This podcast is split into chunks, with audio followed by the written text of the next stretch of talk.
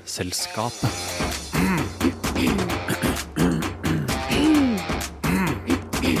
Vitenselskapet. Steiner som faller gjennom taket, Norges største gullklump og et forhistorisk vesen som trenger seg selv opp i et hjørne. I dag blir det snakk om stein og bein.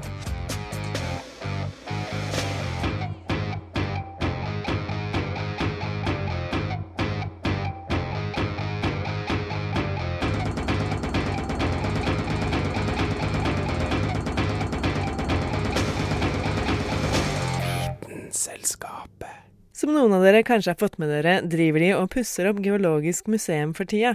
Og ryktene skal ha det til at det faktisk står så ille til der borte at vegger har rast ut når de har fjerna de gamle hyllene.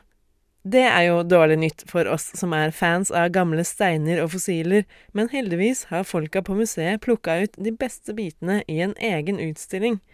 Vi var selvfølgelig til stede da de presenterte høydepunktene i samlinga, så den neste halvtimen kommer det til å handle om sykt kostbare steiner og pene, men kanskje litt dumme, eldgamle dyr. Mitt navn er Kristin Grydland, og du hører på Vitenselskapet. Å vite vet Vitenselskapet.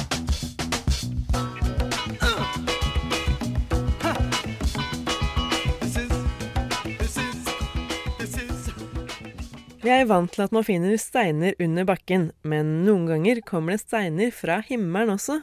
For å sikre seg en slik eksklusiv meteoritt måtte førsteamanuensis Rune Selbekk fra Naturhistorisk museum faktisk vise fram sine snekreskills. Ah. Jeg kan bare kan bli her. Eh, jeg driver også og eh, surrer, eller jobber, med meteoritter. Og eh, så er det 16 kjente norske meteoritter. Norge er et av få land i hvert fall som er såpass små, som har to meteoritter som har truffet hustak. Det første var i Moss, 2006. Og så kom den hen her, 2010. Og den kalles Oslo-meteoritten. Og det her er vel det, hva si, det nærmeste meteoritt har truffet et naturhistorisk museum. Ja. den bomma med sånn 400-500 meter. Den landa på Roderløkka. Så eh, ganske morsom meteoritt. Og det er 550 gram. Minste bikten gikk gjennom taket. Det største den satt igjen oppi taket. Så vi har, eh, vi har også det hullet som eh, den meteoritten her gikk gjennom. Hvis dama som solgte den, var litt bekymra for at dette kom til å koste mye penger å reparere. Så jeg og en av de som jobber her, vi tilbød oss da sjenerøst at ja, men vi, vi fikser det, vi. På, vi tar det på, på hånden. Og hadde en dag i fint vær der nede. Og fikk tilbudt kaffe og kaker og alt det her. Sagde ut hullet og ja la, la nytt tak der. Så det, det er sånn grei dag på jobben. Og så snart museet er renovert, så greier vi oss å stille ut akkurat det hullet der. Visst, visst, visst, visst, visste du at? Visste du at? Visste du at NASA har en egen sjefslukter? George Aldrich lufter på og godkjenner alt som skal sendes inn i verdensrommet til amerikanerne, og sørger derfor for at astronautene er beskytta mot fæle lukter.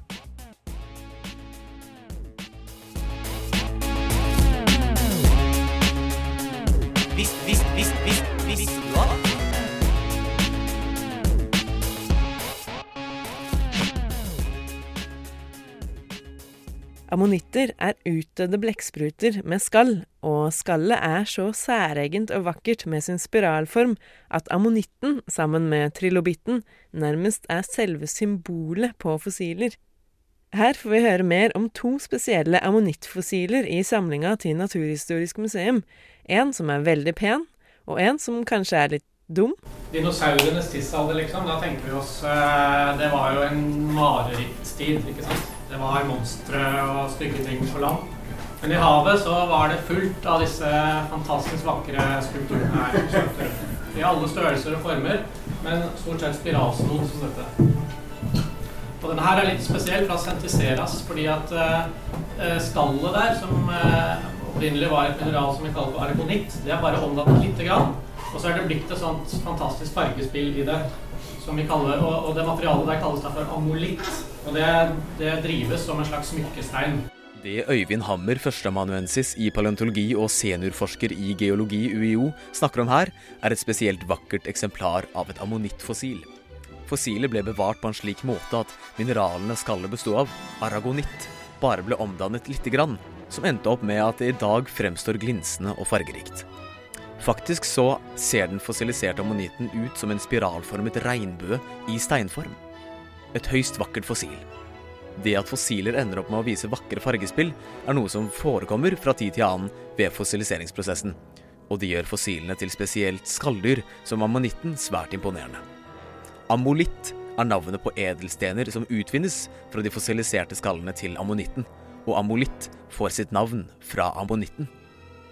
Hvem skulle trodd at skallet til en utdødd blekksprut kunne bli til den vakreste edelsten? Ammonitter er utdødde bløtdyr, som er i slekt med dagens blekkspruter. Ammonittene var på mange måter blekkspruter med skall.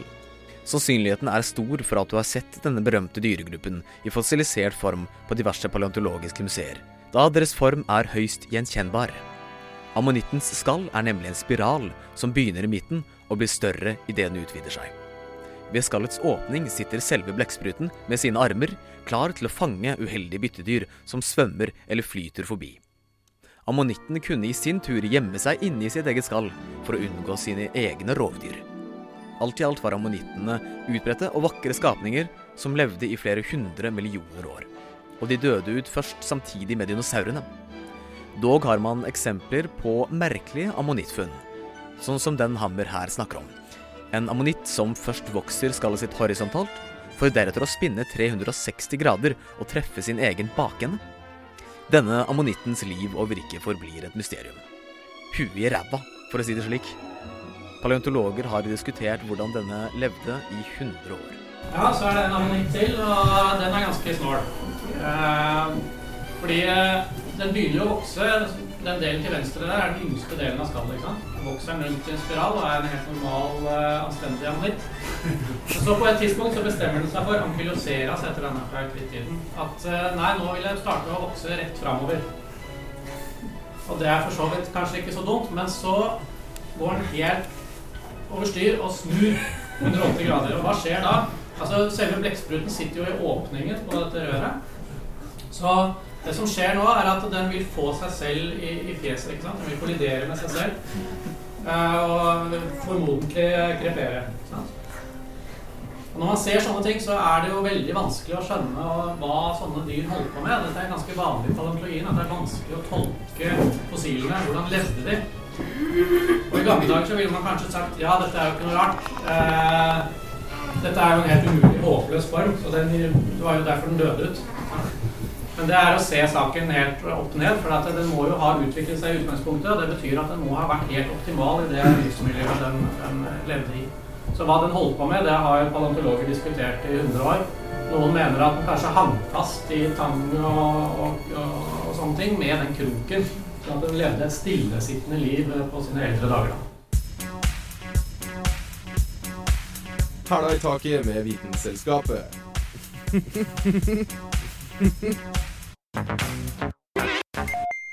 Disse neste steinene er noen litt uvanlige krystaller.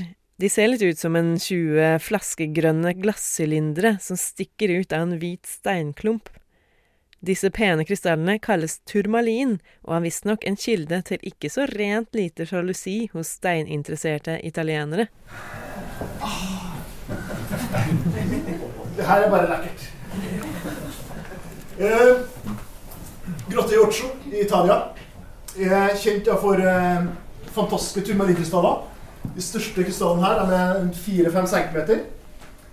Og eh, de er da ofte det som museet blir målt på i, i forhold til hvor bra samling de har. Eh, på åt- slutten av 80-tallet så kom det til bok om eh, mineralmuseet i Vest-Europa. Eh, som Rainer Gode ga ut. Og liksom bestoffen det var bestandig en sånn liste bak i boka hvor det stod at liksom Jo, eh, det eh, museet her har én krystall på eh, 2,5 cm. Det eh, museet her har en på 1,5 cm. Og jeg snakket om De hadde én enkeltkrystall på Matrix. Jeg vet ikke hvor mange krystaller kan dere? Betydelig flere. Og den prøven her, det er sånn at eh, spesielt italienere de reagerer kraftig på at det, liksom fins en så bra prøve utenfor Italia. Så jeg tror jeg ganske sikkert kan si at det her er den beste turmalinprøven fra Grotteroccio utenfor Italia. Og eh, ja, vi betalte 500 kroner eller sånt for den. Den gangen. I 1910. Det er i årslønn. Og eh, la oss si det sånn, det er verdt betydelig mer enn årslønn i dag også. Disse turmalinkrystallene er først og fremst verdifulle fordi de er av en sjelden god kvalitet. Men straks skal vi høre litt mer om de stoffene som kanskje folk flest forbinder med dyr pynt. Vis, vis, vis, vis, visste du at? Visste du at? Visste du at en maurart i Malaysia er naturens egne selvmordsbombere? Denne mauren har spesielle kjertler som går langs hele kroppen og inneholder et slags hormonelt klister. Skulle mauren se ut til å tape et slag, trekker den magemusklene voldsomt sammen, slik at disse eksploderer, og selvfølgelig dreper seg selv. Oppsiden er at den den kjemper mot, vil bli sittende fast i dette klisteret og bli et lett bytte for resten av kolonien. Visst, visst, visst, visst, visst, du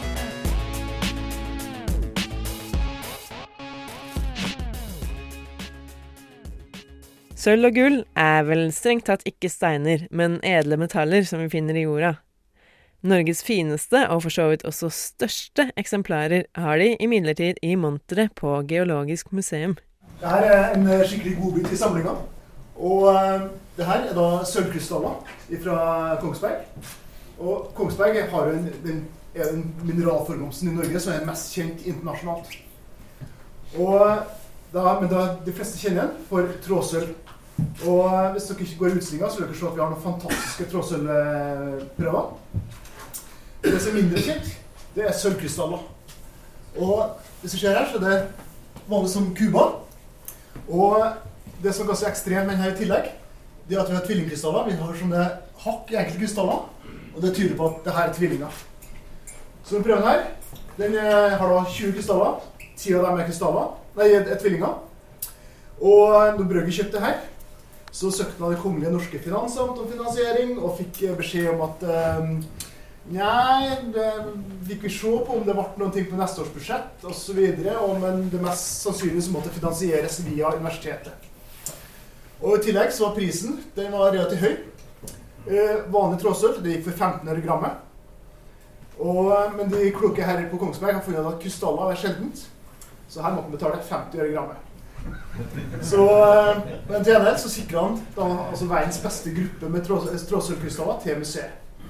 Og det, la oss si sånt det, Verdi i dag det er ganske ubeskrivelig, men det ja, tre-fire hus på Montebello, ferdig møblert. Det her er fra funnet på Bømlo på eh, tidlig 80-tallet. I nærheten av noen av gullgråene der nede. Gullet på Bømlo ble kjent i 1862.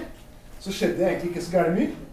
Eh, før fire gutter slo seg sammen i 1881 og startet gruvedriften her nede. Og den varte frem til sånn ca. 1910, eh, med litt sånn av og på. Og en regner med at det ble tatt ut ca.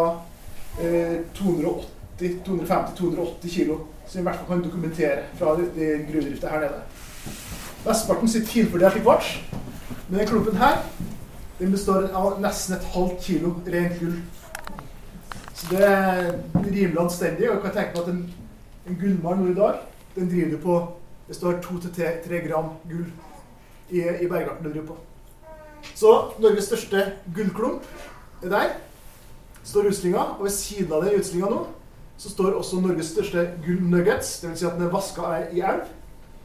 Og den veier bare 17 gram. Vitenselskapet. Vitenselskapet på Radio Nova.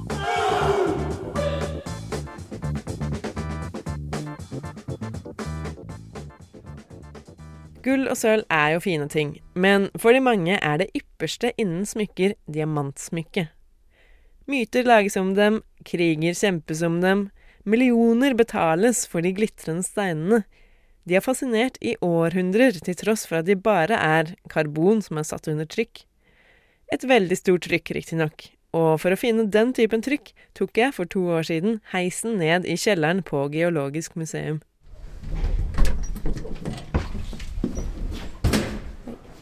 Rune Selbekk, førsteamanuensis og ansvarlig for mineral- og meteorittsamlinga ved Naturhistorisk museum, leder an gjennom korridoren.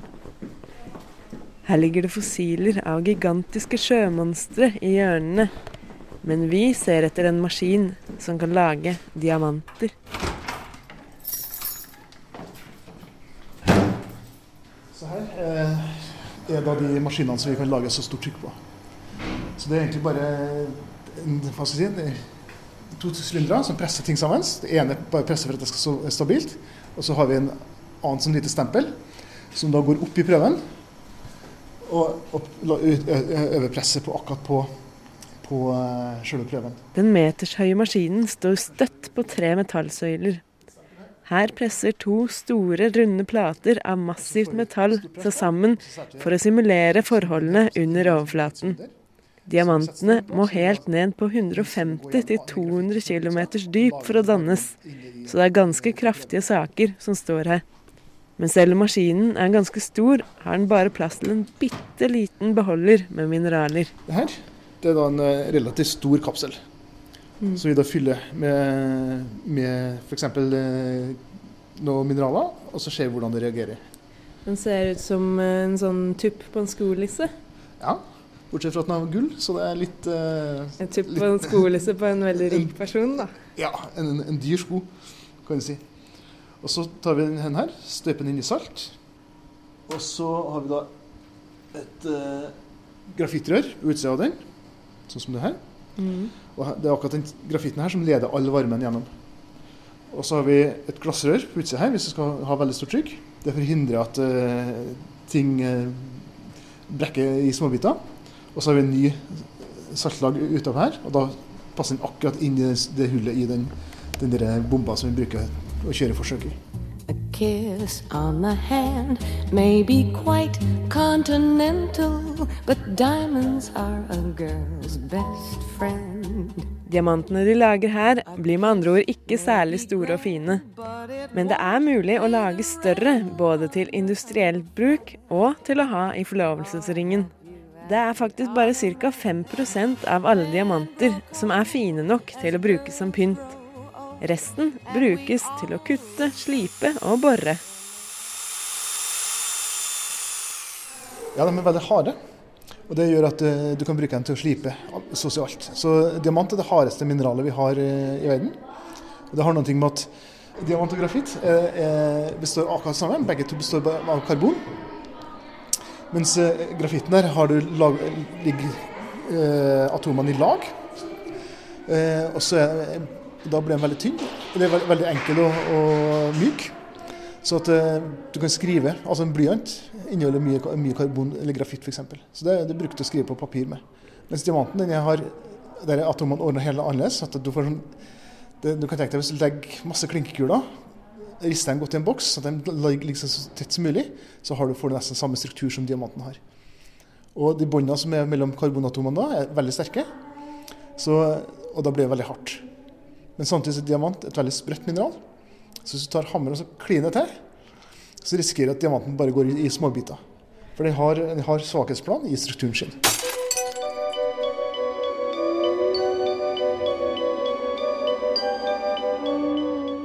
Det er også ganske overdrevet at Diamonds are forever.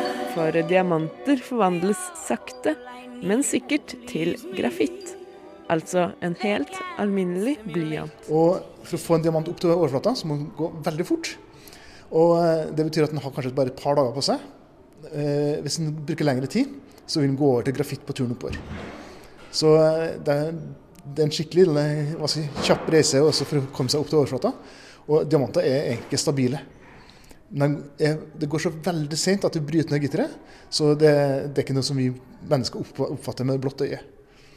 Så det tar lang tid før de blir brutt ned. Ja, diamantene de, de, de er egentlig ikke stabile ved det trykket vi har her på overflata. Så egentlig så skulle det bli etter hvert så skal det bli sånn grafitt som en sånn grå eh, stein som, som eh, ligger utstilt her. Diamanter er for mange det ypperste av edelstener. Men hvis du vil gi noe skikkelig sjeldent og eksklusivt, burde du kanskje velge noe annet. Jeg syns det er utrolig mange mineraler som er mye mer spennende enn diamanter. Og det, altså, diamant har en veldig enkel kjemi og eh, altså, helt greie fysiske egenskaper. Og det eneste spesielle er egentlig at de dannes på stort, stort dyp. Og det, det som er at, også at det finnes veldig mye diamant, diamanter her i verden. Og eh, det er flere store land som produserer masse diamanter. Australia, eh, Russland, Botswana, Sør-Afrika osv. Og, og diamant er egentlig ikke så, så spesiell. Jeg ville heller ha gått for en smaragd f.eks. Sånn, sånn som vi har stående like bortenfor her. Hvorfor det? Jo, for de er mye mer sjelden enn diamanten. Så, og, og diamant, det- der vil jeg si at prisene er kunstig høy. Fordi at det slippes bare litt på markedet for, for å kontrollere prisen. Diamonds are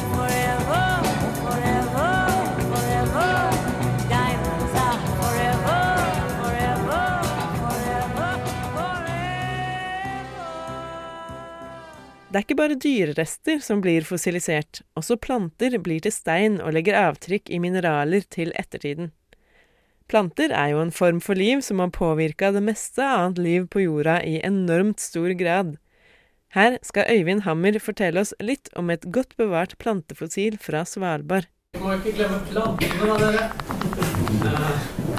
De har fossile planter også, og de er veldig viktige for oss for å tolke miljø og klima tilbake i geologisk tid. For plantene er veldig gode indikatorer for klima.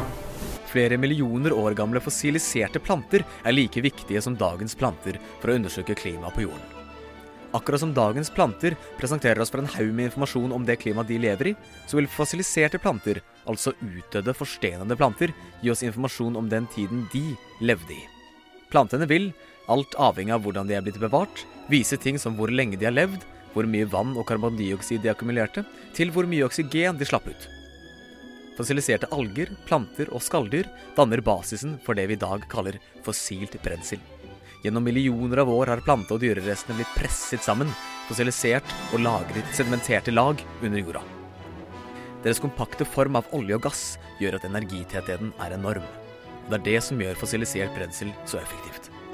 Problemet er selvfølgelig at det tar så fordømt lang tid å lage nytt fossilt brensel. Fossilisering er noe som naturlig tar millioner av år.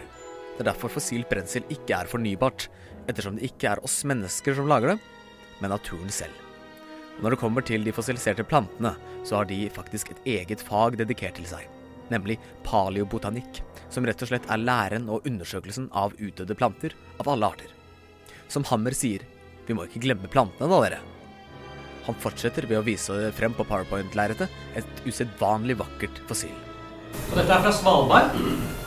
Det er litt uvanlig pent plantefossil kanskje fra Svalbard, men fra en forekomst som er veldig rik. Eh, Den er fra sånn, eh, ikke så veldig lenge etter at dinosaurene døde ut.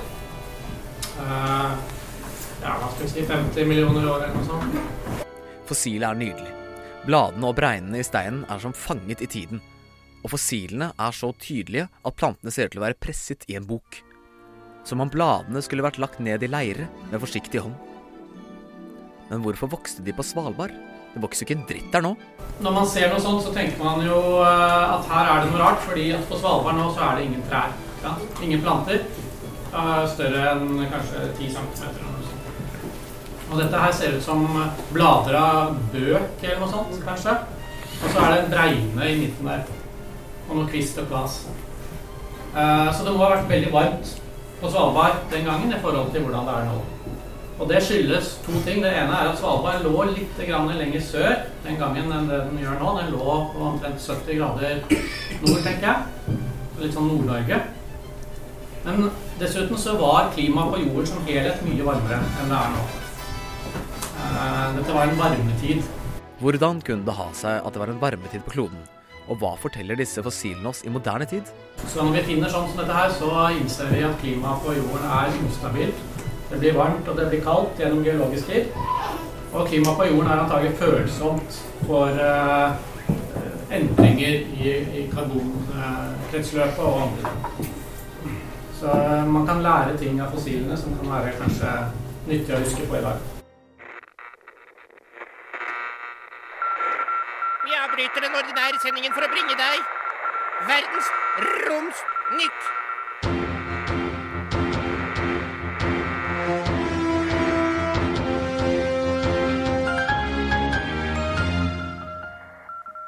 Å, tittei, tjukkdor i seg. Velkommen til en ny Snutli Snuttesen av Verdensromsnytt. Denne uka her har stjernelaget muligens funnet en niende planet i vår egne lille solsystemskrok.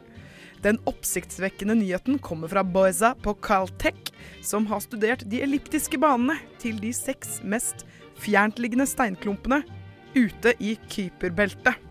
Som snodig nok alle har sitt ytterpunkt i ellipsen på samme side i forhold til sola.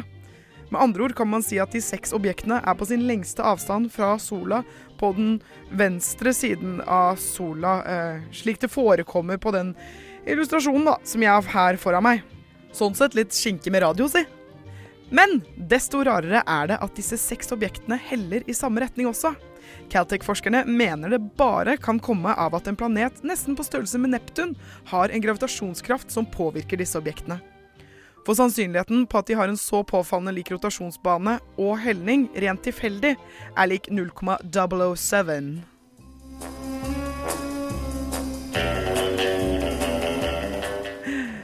Planet 9, som den foreløpig så forfriskende heter, har en bane i motsatt retning av de andre klumpene, og holder derfor deres bevegelser i sjakk.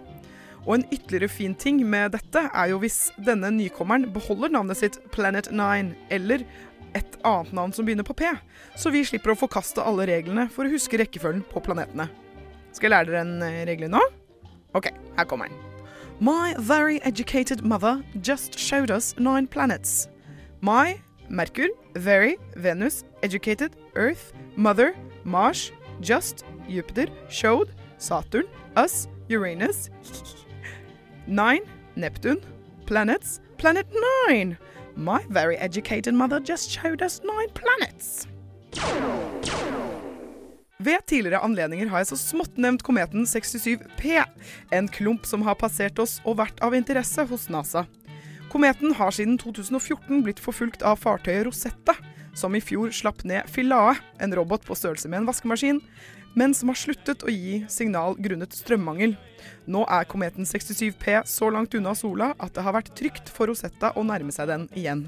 Nå har den funnet frem det infrarøde kameraet og faktisk avbildet for første gang store områder av is og vann ansamlet på dens skyggeside. Ikke totalt uforventet, og heller ikke spektakulære shocking news. Man vet jo at det er is og vann på kometer. Men her i Verdensromsnytt, dere, er terskelen så lav at det hjelpes. Is på komet, det får plass. Så gratulerer, kjære lytter. Vi skal videre til Mars, da NASAs lille Curious George, lille nysgjerrigper, nemlig Curiosity Roveren, har i disse dager skupet opp ei neve sand og smakt litt på den. Det maskinen i realiteten gjør, er å ta litt sand og drysse det ned i sin arm, hvor sand blir silt, slik at bare bitte, bitte, bitte små partikler kommer gjennom. Disse blir videre analysert i roverens interne laboratorium, og resultatene sendt hjem. Så vi venter i spenning. Håper imidlertid ikke at roveren blir fanget i en sandstorm.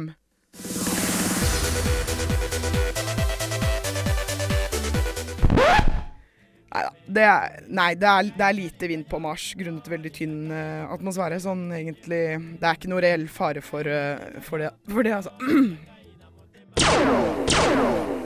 Jeg vil gjerne runde av med ei lita påminnelse, ei lita nota bene, eller ei heads up om du vil. At våre fem nærmeste naboplaneter er å se på en linje fra nord til øst på nattehimmelen før soloppgang. Så kom deg unna litt lysforurensning, og nyt lyset fra Jupiter, Merkur, Venus, Saturn og Mars som lyskuler på ei basic bitch sin lysslinge. Så da gjenstår det bare for meg å si, fra kaviarstjerna til månetoppen, Johanne Furuseth, over og ut.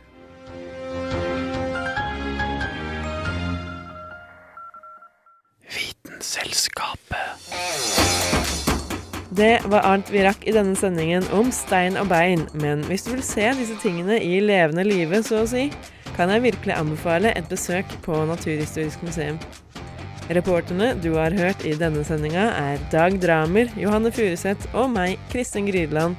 Og programmet du har hørt på, er selvfølgelig